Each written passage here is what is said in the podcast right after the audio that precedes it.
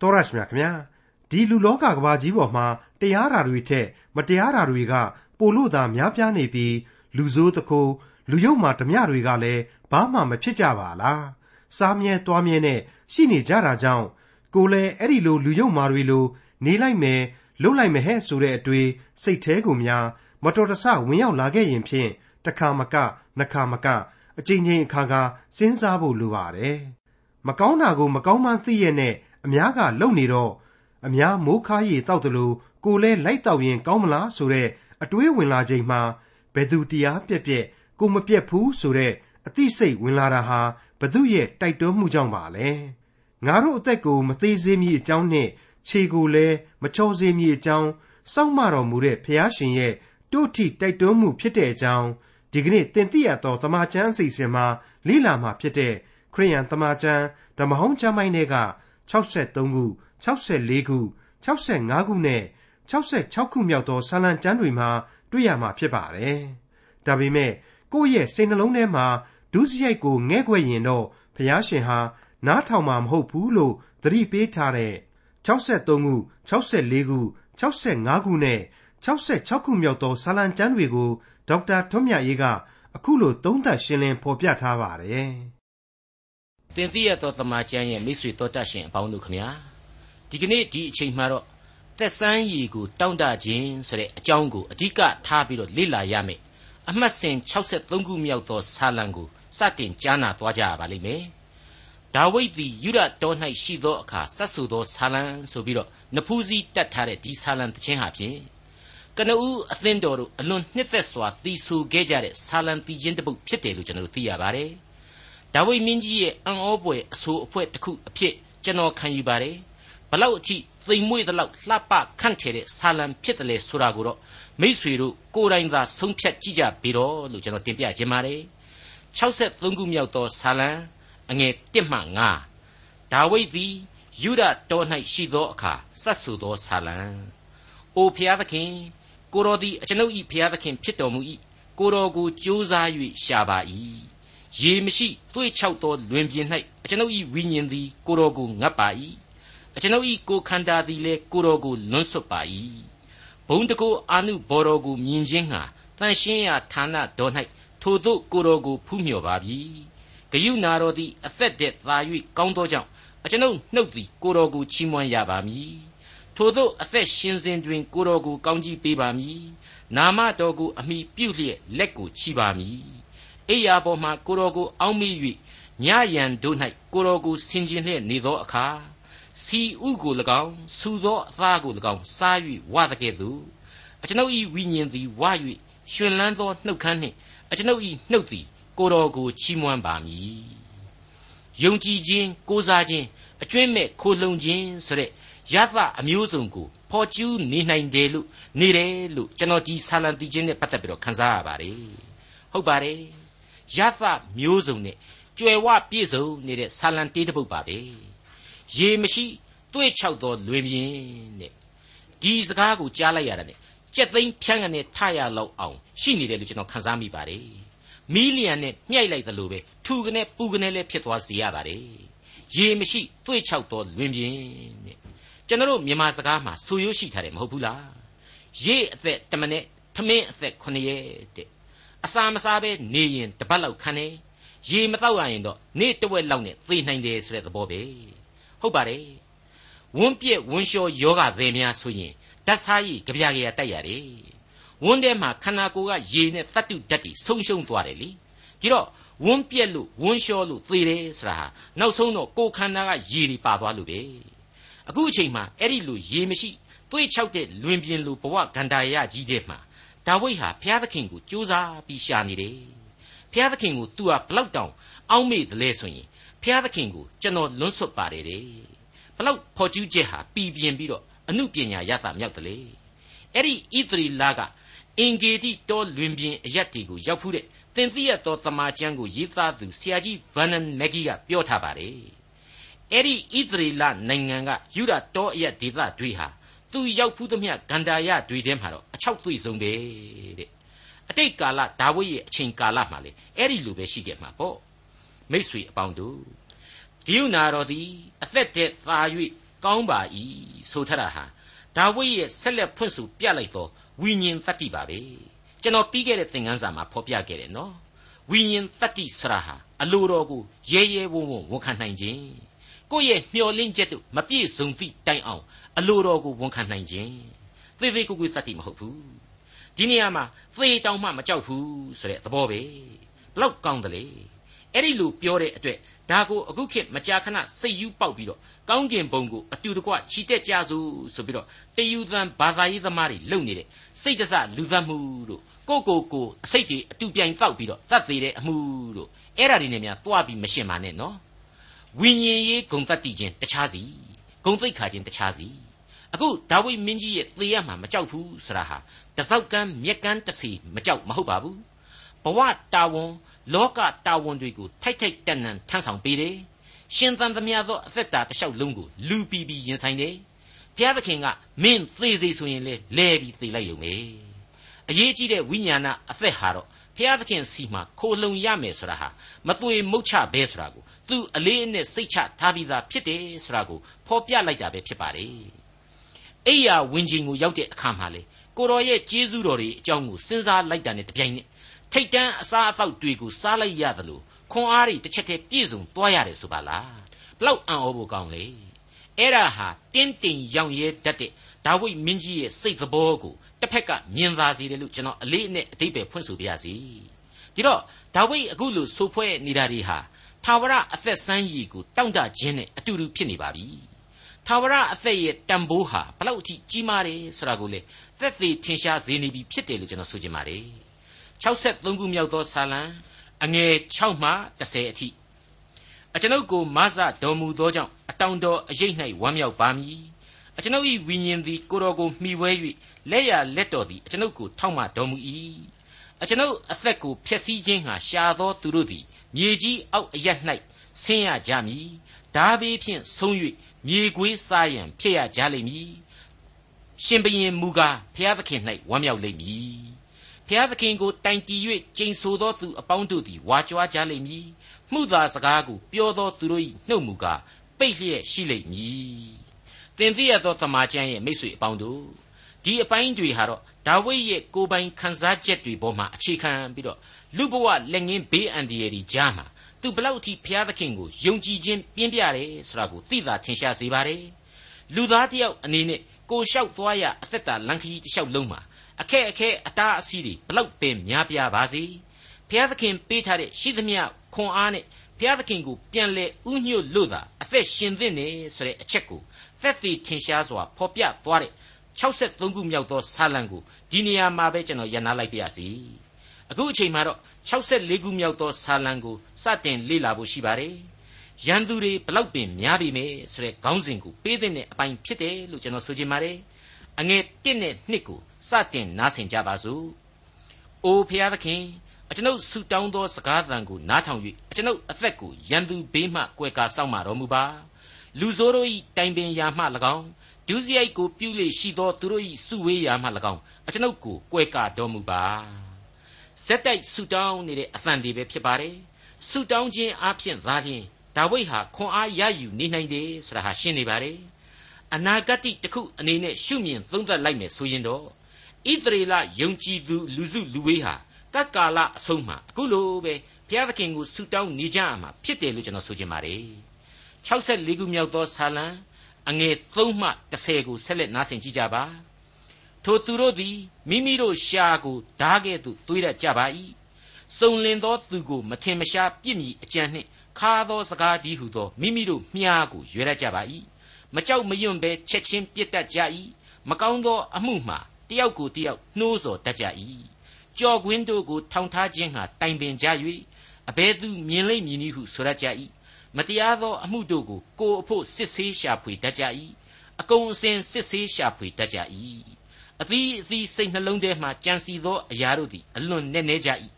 သူတို့၌ဘုရားသခင်ပြစ်တော်မူသောမြားမှန်၍သူတို့သည်အမှတ်တမဲ့နာကြလိမ့်မည်တို့ဖြစ်၍မိမိတို့ရှာသည်မိမိတို့ကိုတိုက်စေ၍မြင်သောသူအပေါင်းတို့သည်ပြေးသွားကြလိမ့်မည်လူအပေါင်းတို့သည်လည်းကြောက်ရွံ့၍ဘုရားသခင်စီရင်တော်မူကြောင်းကိုနားလေသဖြင့်အမှုတော်ကိုကြားပြောကြလိမ့်မည်ဖြောင့်မတ်သောသူသည်ထာဝရဘုရား၌ဝမ်းမြောက်၍ခိုလှုံလိမ့်မည်သ ဘောဖြောင့်သောသူအပေါင်းတို့သည်ဝါကြွားကြလိမ့်မည်ရှားကိုဓားလိုသွေးပြီးတော့ခါသီးသောစကားတွေကိုသာပြောတော့နှုတ်ကြောင့်ကြေးလက်ကြောင့်သေးဆိုသလိုလက်ကြောင့်သေုံသာသေတယ်နှုတ်ကြောင့်စကားကြောင့်ကြေမွသွားနိုင်တယ်ဆိုတဲ့သဘောအတိုင်းပဲရန်သူတို့ရဲ့နှုတ်ထွက်စကားတွေဟာအလွန်ဆိုးသွမ်းတဲ့အကျိုးဆက်တွေကိုဖြစ်ပွားစေခဲ့တယ်။ဘာပဲပြောပြောဘုရားသခင်ဟာဒီအတိုင်းကြည့်မနေဘူး။ မတရားတာမကောင်းတာတွေကိုအမြဲကြံစီတွေးခေါ်ရင်အဲ့ဒီမကောင်းတဲ့အမှုတွေနဲ့သာကိုကိုယ်တိုင်ဟာပြန်လဲပြီးခံရမယ်ဆိုတဲ့သဘောကိုဒါဝိမင်းကြီးဖော်ပြတာပါပဲ။ဒီလိုလူဆိုးတွေရဲ့ကိုရှုကိုပတ်ဆိုသလိုဖြစ်ရတဲ့အဖြစ်များဟာဘုရားသခင်ရှိတော်မူခြင်းသို့မဟုတ်တစ္ဆာတရားထွန်းကားခြင်းကိုလောကကြီးတစ်ခုလုံးသိစေဖို့ဖြစ်လာလိမ့်မယ်လို့ဖော်ပြလိုက်ပါတယ်ဒီအချက်ဟာဒီကနေ့အဖို့ထင်ရှားတည်ရှိနေသောအရာတစ်ခုပဲလို့ကျွန်တော်မခံယူပါဘူး လူအပေါင်းတို့သည်ဘုရားသခင်စီရင်တော်မူကြောင်းကိုနားလည်သဖြင့်အမှုတော်ကိုကြားပြောကြလိမ့်မည်လို့ဆိုထားတဲ့အတွေ့ဘုရားသခင်တရားစီရင်မဲ့ကပ်ကာလကုံဆုံးခြင်းမှာဖြစ်ရမယ်လူဘဝမြင်ကွင်းဒီကိုသာဣသရေလလူမျိုးတော်တို့သိနာလေအောင်ဒါဝိမင်းကြီးဗျာဒိတ်ပြုတ်လိုက်တယ်လို့ပဲကျွန်တော်ခံယူပါတယ်ဖြောင့်မတ်သောသူသည်ထာဝရဘုရား၌ဝမ်းမြောက်၍ခိုလှုံလိမ့်မည်သဘောဖြောင့်သောသူအပေါင်းတို့သည် ဝါကြွားကြလိမ့်မည်ဆိုပြီးတော့ဏိဂုံးစကားကိုဆိုလိုက်ပါတယ်ဖျားဂုံကိုခိုလှုံသောသူတုံလှုပ်ခြင်းရှင်းမရှိအမြဲတည်သောစီးုံတောင်းလို့အစဉ်လျင်ဖြစ်ကြ၏ဆိုတဲ့ဓမ္မတေးသံကိုကျွန်တော်သတိရမိပါတယ်တေးလင်္ကာသဘောအရတုံလှုပ်ခြင်းမရှိဘူးလို့ဆိုထားခြင်းဖြစ်ပါတယ်အမှန်စင်စစ်မှာတော့တုံလှုပ်ခြင်းတော့ရှိကောင်းရှိမယ်ဘာပဲပြောပြောရွေလျောပျောက်ကွယ်ခြင်းတော့မရှိနိုင်ဘူးလို့ကျွန်တော်ဖြစ်ဆက်လိုပါတယ်အခုအချိန်မှာတော့ ဆာလံတီချင်းအမှတ်စဉ်65ကိုကျွန်တော်ဆက်လက်တင်ပြခြင်းပါတယ်အငယ်1မှ4ကိုအခုလိုစတင်နားဆင်ကြည့်ကြပါစို့အိုဖျားသခင်ဇီးအောင်မျိုး၌ကိုတော်ရှိမှညီဝတ်စွာနေ၍ချီးမွမ်းရပါ၏ကိုတော်အားလည်းသစ္စာဝတ်ကိုဖြေရပါ၏ပထနာစကားကိုနားထောင်တော်မူသောဖျားကိုတော်ထံသို့လူသားအပေါင်းတို့သည်ချင်းကပ်ရကြလိမ့်မည်မတရားသောအမှုသည်အလွန်များ၍အကျွန်ုပ်သည်မတတ်နိုင်ပါ သို့တော်လည်းအကျွန်ုပ်တို့ပြစ်မှားခြင်းအပြစ်များကိုကိုတော်ဖြေရှင်းတော်မူမည်တတိုင်းတော်အတွင်း၌နေ၍အထံတော်သို့ချင်းကပ်စေခြင်းဟာကိုတော်ရွေးကောက်တော်မူသောသူသည်မင်္ဂလာရှိပါ၏တန်ရှင်းသောဗိမှန်တော်ဒီဟုသောအိမ်တော်၌ကောင်းသောအရာတို့နှင့်အကျွန်ုပ်တို့သည်ဝါပြောကြပါစေသောအခုကြားခဲ့ရတဲ့ဆာလံတီချင်းဟာဖြင့်ကယ်တင်ရှင်စီသို့ရောက်ရလမ်းကိုမျှော်မှန်းထိတွေ့ရစီသလိုပဲလို့ကျွန်တော်တင်ပြခြင်းပါတယ် ကယ်တင်ရှင်ဟာကျွန်တော်တို့ကိုသူ့ရဲ့ဂရိတော်နဲ့အညီရွေးနှုတ်ကယ်တင်တော်မူမှအသေးအချာဖြစ်ပါတယ်အခုအချိန်မှာကျွန်တော်တို့ကိုတန်ရှင်းသောဝိညာဉ်တော်ဟာအစင်မပြတ်စောင့်ထိန်ပေးနေပါတယ်ဘုရားသခင်နဲ့ခရစ်တော်ကတော့ကောင်းကင်ဘုံမှာရှိနေတယ်လို့အလွယ်ဆုံးနားလည်နိုင်အောင်ဒီဆာလံတီချင်းဟာဖော်ပြလိုက်ပါတယ်တမန်တော်ဝတ္ထုအခန်းကြီး3အငယ်21အရာအခုလို့ကျွန်တော်တို့တွေ့နိုင်ပါတယ်ကဘာဦးမှစ၍တန်ရှင်းသောပရောဖက်ဆရာတော်တို့နှုတ်နှင့် ဖျားသခင်ဗျာဒိတ်ထားတော်မူသောထိုကပ်ကာလအလုံးစုံသောအရာတို့ကိုအသစ်ပြုပြင်တော်မူသောကပ်ကာလမရောက်မီတိုင်အောင်ကောင်းကင်ဘုံသည်ထိုခရစ်တော်ကိုခံယူသိသိရမည်ဆိုပြီးတော့ဖော်ပြထားခြင်းဖြစ်ပါတယ်ဘလောက်ကောင်းလဲမိတ်ဆွေတို့ကောင်းကင်ဘုံစัจ java လာအနန္တတို့ဟာခရစ်တော်တဲ့ပို့ပြီးတော့အရေးမကြီးဘူးသူတို့ဟာခရစ်တော်ရဲ့တာဝန်တွေကိုခံယူထားရတယ်ဆိုတာကိုဒီအချက်အားဖြင့်ရှင်းရှင်းကြီးပေါ်လွင်နေစေပါတယ် 64ခုမြောက်သောဆာလံအငယ်9မှ73အဆုံးအထိအကျွန်ုပ်တို့ကိုကယ်တင်တော်မူသောဖျားအကျွန်ုပ်တို့၏ပတနာကိုနားထောင်၍အံ့ဘွယ်သောအမှုတို့ကိုတရားတော်နှင့်အညီပြတော်မူ၏ကိုတော်သည်ဝေးစွာသောမြေကြီးစွန်းနှင့်ပင်လေစွန်းတို့၌နေသောသူတို့၏ကိုးစားရာဖြစ်တော်မူ၏ကိုတော်သည်တကိုးနှင့်ပြည့်စုံသဖြင့်အားကြီး၍တောင်များကိုတည်စေတော်မူ၏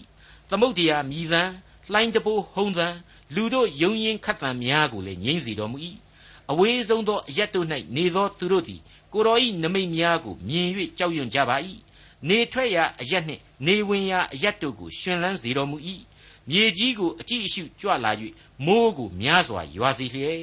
ရေနှင့်ပြည့်သောဘုရားသခင်၏မြစ်အားဖြင့်အလွန်ကြွယ်ဝစေတော်မူ၏ထို့သောမြေကိုပြုပြင်ပြီးမှမြေသားတို့အဖို့စပားကိုပြုပြင်တော်မူ၏မြေရိုးတို့ကိုစိုးစွတ်စေ၍လေပြင်းကိုတညီသည်စီရင်ပြီးမှ မိုးရွာသောအားဖြင့်ပျော့စေ၍ပေါက်သောအပင်များကိုကောင်းကြီးပေးတော်မူ၏နှစ်တို့ကိုကျေးဇူးတော်နှင့်ပတ်ရတော်မူ၍ခြေတော်ရာတို့သည်စီဥယိုရကြပါ၏။သာယာသောတောအရက်တို့လည်းယို၍တောင်တို့သည်လည်းပီတိခါးစည်းနှင့်စီးလျက်ရှိကြပါ၏ကျက်စားရာအရတ်တို့သည်သိုးစိတ်စုတို့နှင့်ပြည့်စုံလျက်လေပြင်းတို့လည်းစပားပင်နှင့်လွှမ်းမိုးလျက်ရှိ၍ကျူးအေးသောအသံနှင့်သီချင်းဆိုကြပါ၏ ဝတ်ပြုရကျမ်းအခန်းကြီး23ကိုပြန်ပြီးကြည့်လိုက်မယ်ဆိုရင်အူးသီးသောကောက်လှိုင်းကိုဘုရားသခင်အတွက်ပူဇော်ရမယ်ဆိုပြီးတော့အငယ်30ကနေစတင်မြင်နိုင်ပါလိမ့်မယ်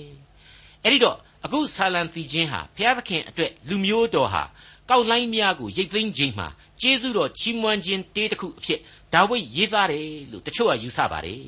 တချို့ကြပြန်တော့လေမိုးဥရုရဲ့စပားနဲ့ဂျုံတို့ပေါက်ဖွားကြီးပြင်းတဲ့အချိန်မှာကျေးဇူးတော်ချီးမွမ်းတာပဲလို့ဆိုကြပါတယ်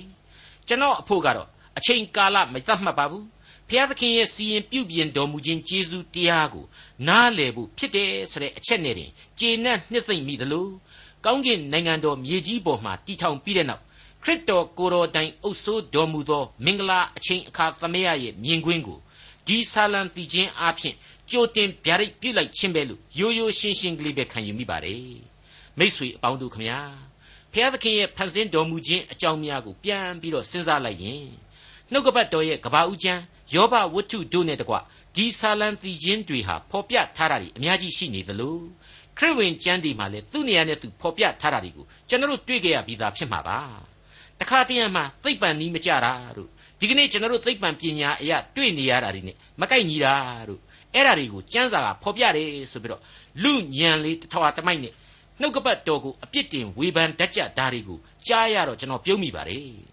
တကယ်တော့လူတ attva အားလုံးရဲ့အသက်လန်းစားပြီးဟာအသက်လန်းခရီးအတွက်အကျွင့်မဲ့ပြည့်စုံလုံလောက်ပြီးသားဖြစ်တယ်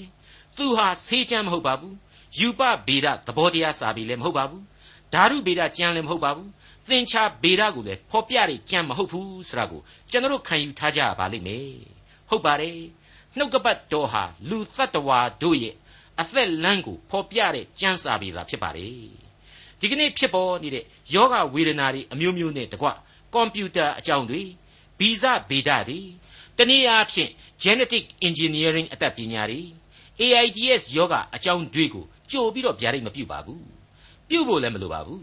မဖြစ်လို့လဲဆိုတော့အခုကျွန်တော်တို့သိတာတတ်တာဖြစ်နေတာတည်တဲ့အနာဂတ်မှာအစာပေါင်းများစွာလူတွေဟာပို့ပြီးတော့သိလာတတ်လာအောင်မှာကိုဘုရားသခင်ဟာကျွန်တော်တို့ရဲ့အရင် သူဖန်ဆင်းကာစကလေးကကြိုပြီးတော့သိနေလို့ပါပဲမိษွေများစဉ်းစားကြည့်ပါလူသားရဲ့ဉာဏ်ဟာကိုယ်တခစ်မှားတောင်မှတောင်းစီအောင်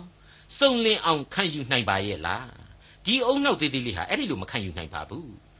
အကုန်လုံးကိုလူတယောက်ဟာဘယ်နဲ့လှုပ်ပြီးတော့ဒီအုံနောက်နဲ့ခံယူနိုင်ပါလေကျွန့်ကျင်နေနိုင်ပါလေကျွန်တော်အခက်ခက်လည်းပြောဘူးပါတယ်သိပ္ပံပညာရှင်ကြီးအာနာရီရထားတဲ့ပုဂ္ဂိုလ်ကြီးအချိန်တန်လို့သပင်ရှည်လာရင်တော့သပင်ညှက်ဆိုင်ပြေးပြီးတော့သပင်ညှက်သမားကိုညှက်ခိုင်းရတာပဲ ခေါင်းကိုက်လာရင်တော့အနှိမ့်သေးခေါ်ပြီးတော့ဇက်ကြောဆွဲခိုင်းရတာပါပဲကျွန်တော်ပြောခဲ့ဘူးလို့ကမ္ဘာထိတ်တန်းသိပ္ပံပမောက္ခကြီးတွေအကုန်လုံးကိုတန်းစီဆိုပြီးတော့ဘုရားသခင်ဟာသူ့ရဲ့ဖန်ဆင်းခြင်းသိပ္ပံနိယာမကိုရှင်းပြမယ်ဆိုပါတော့ဘသူကကနာနာနားလေနိုင်မယ်ထင်ပါတလေကျွန်တော်ကတော့ရှင်းရှင်းပဲဘသူမှနားလေမှာမဟုတ်ဘူးလို့ပဲပြက်ပြက်သားသားယုံကြည်တယ်အဲ့ဒီထက်ကဘုရားသခင်ညံတော်ကိုမမိမိအောင်လိုက်မယ်ဆိုပြီးတော့ကွန်ပျူတာတွေကိုကင်လာကြမယ် လက်ကဖြောက်ဖြောက်ဖြောက်ဖြောက်နဲ့ပါဇက်ကလည်းပစည်းပစည်းပစည်းပစည်းနဲ့လိုက်ပြီးတော့မှတ်မယ်အလွတ်ကျက်မယ်တွက်မယ်ဆိုပါတော့ဘာဖြစ်လာမယ်ထင်တယ်လေကျွန်တော်ကတော့ရှင်းရှင်းပဲဘာမှဖြစ်လာနိုင်မယ်မထင်ဘူးမတကာယူခြင်းရင်သာယူသွားမယ်အကျိုးစားဆုံးလူအရင်ဆုံးဆေးရုံရောက်မယ်လို့ပဲပြောချင်ပါတယ်ဟုတ်ပါတယ်ဖျားသခင်ရဲ့ညံတော်အနန္တဟာလူသားဘယ်လို့မှမမိနိုင်ဘူးအခုဒါဝိမင်းကြီးကလွန်ခဲ့တဲ့နှစ်ပေါင်း3000လောက်ကဗျာဒိတ်တော်အဖြစ်ကိုတော်သည်ဝေးစွာသောမြေကြီးစွန်းနှင့် ပင်လယ်စွန်း၌နေသောသူတို့၏ကိုးစားရာဖြစ်တော်မူ၏နေထွက်ရာအရက်နေဝင်ရာအရက်တို့ကိုရှင်လန်းစေတတ်၏ဆိုပြီးတော့ကြိုပြီးတော့ပြောပါတယ်လွန်ခဲ့တဲ့နှစ်ပေါင်း2000လောက်ကတည်းကကဘာပေါ်မှာအသင်းတော်ကြီးတွေစပြီးတော့ဖြစ်လာခဲ့တာပဲမဟုတ်ဘူးလားကတ်ကာလဆိုတာကိုအသာထား ကောင်းကင်နိုင်ငံတော်ဆိုတဲ့အနာဂတ်ကိုမစင်စားခြင်းမစင်စားနဲ့အောင်ဒီကနေ့မှာပဲဒီကဘာပေါ်မှာဒီကယ်တင်ခြင်းတရားအကြောင်းကိုမခံစားမသိရှိရတဲ့ဝိညာဉ်ဆိုတာဟာမရှိသလောက်ဖြစ်နေပြီကျွန်တော်ကယုံကြည်တာကိုပြောတာမဟုတ်ဘူးနော်လက်ခံတာကိုလည်းပြောတာမဟုတ်ဘူးလူသားတို့ကိုးစားရအသက်လန်းခရီးအကြောင်းကတော့အမှန်ပဲဒီကဘာကြီးတစ်ခုလုံးကိုနားလေအောင်ဖော်ပြပေးနေပြီမိတ်ဆွေများခမညာနှစ်တို့ကိုကျေးဇူးတော်နှင့်ပတ်ရတော်မူ၍ ခြေတော်ရာတို့သည်စီဥယိုရကြပါ၏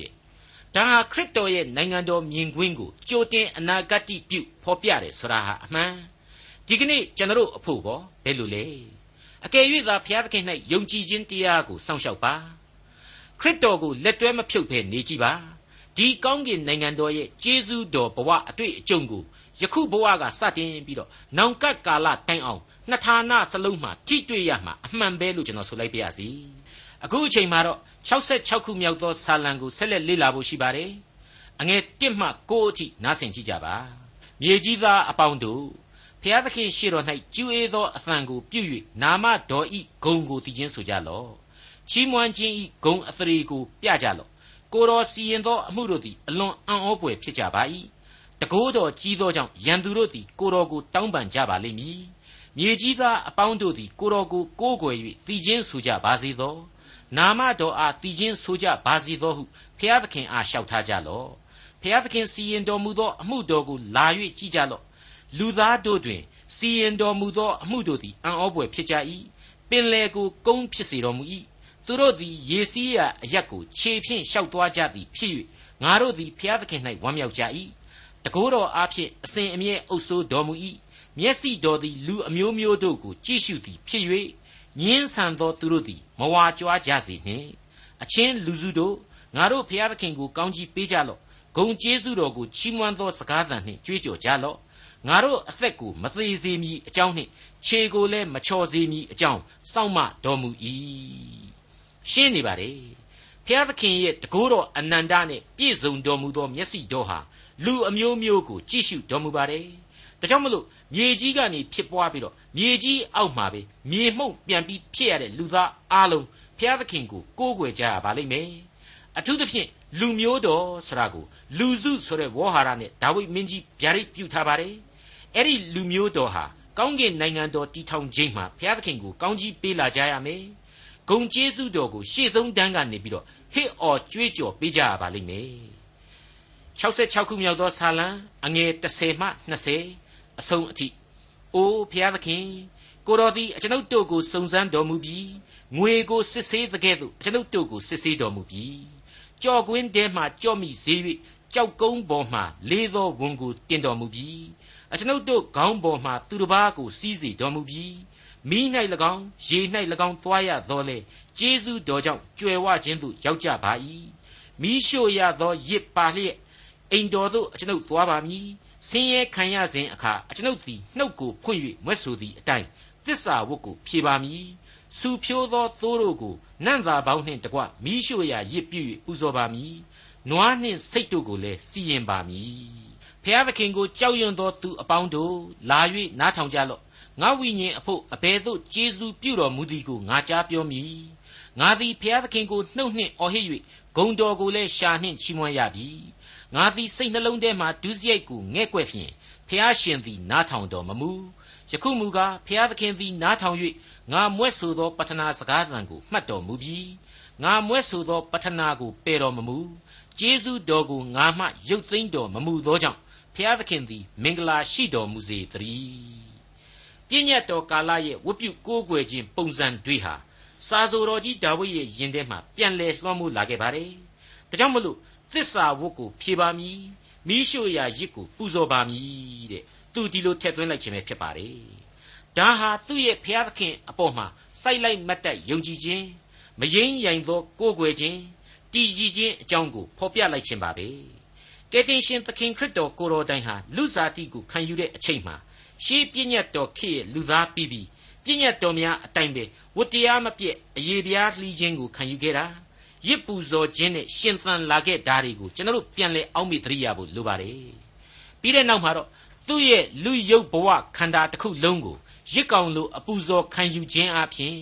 မြေကြီးသားအပေါင်းတို့အဖို့အပြစ်တရားမှလွတ်မြောက်ရာကယ်တင်ရှင်ယေရှုကိုခြားထားပေးတော်မူခဲ့ပါတယ်ဒါကြောင့်မလို့လေကျွန်တော်တို့လူသားများအားလုံးအဖို့အဲ့ဒီလိုအသက်တော်ကိုစွန့်ပြီးတော့ကျေးဇူးတော်ကိုပြသခဲ့တဲ့သခင်အသက်တော်ကိုရှင်ပြန်ထမြောက်ပြီးမှ သာဝရအသက်ဆုကျေးဇူးကိုပေးတော်မူခဲ့တဲ့သခင်ကိုထူးခြားတဲ့ရစ်ပူဇော်ခြင်းပုံစံသစ်အားဖြင့်ကိုးကွယ်နိုင်ကြပြီဖြစ်ပါတယ်ဒါကိုလေဒါဝိမင်းကြီးကိုယ်တိုင်ဟာအတိတ်ဆာလံတည်ခြင်းအားဖြင့်ဖွင့်ဆိုခဲ့ပြီးပြီဖြစ်ပါတယ်90ခုမြောက်သောဆာလံအငယ်14နဲ့15မှာအခုလိုဖော်ပြခဲ့ပြီးဖြစ်ပါတယ်ကျေးဇူးချီးမွမ်းခြင်းရစ်ကိုဘုရားသခင်အားပူဇော်လော့သစ္စာဂရိထားသည့်အတိုင်းအမြင့်ဆုံးသောဘုရား၌သစ္စာဝတ်ကိုဖြေလော့ အမှုရောက်သည့်ကာလ၌ငါ့ကိုပတနာပြုလော့ငါသည်ကယ်လွတ်မည်သင်သည်လည်းငါ့ကိုချီးမွမ်းလိမ့်မည်ဟုမိန့်တော်မူ၏တဲ့မိษွေအပေါင်းတို့လူစုဆိုတဲ့ဣသရေလအတွက်ဗျာဒိတ်တော်ထဲမှာမှကျွန်တော်မိษွေတို့ကိုဒါဝိဒ်မင်းကြီးသတိပေးလိုက်တာကတော့မြေကြီးသားအပေါင်းတို့ဖျားသခင်ရှေ့တော်၌ကျူအေးသောအသံကိုပြု၍နာမတော်ဤဂုံကိုတည်ခြင်းဆိုကြလော့ချီးမွမ်းခြင်းဤဂုံအသရေကိုပြကြလော့ဆိုတဲ့အချက်ပဲဖြစ်ပါတယ်ခင်ဗျာ ဒေါက်တာထွန်းမြတ်ရေးစီစဉ်တင်ဆက်တဲ့တင်ပြတော်တမချန်းအစီအစဉ်ဖြစ်ပါတယ်နောက်တစ်ချိန်အစီအစဉ်မှာခရိယန်တမချန်းဓမ္မဟောင်းကျမ်းပိုင်းမှာပါရှိတဲ့68ခုမြောက်သောစာလံကျမ်းကိုလေ့လာမှဖြစ်တဲ့အတွက်စောင့်မျှော်နားဆင်နိုင်ပါတယ်။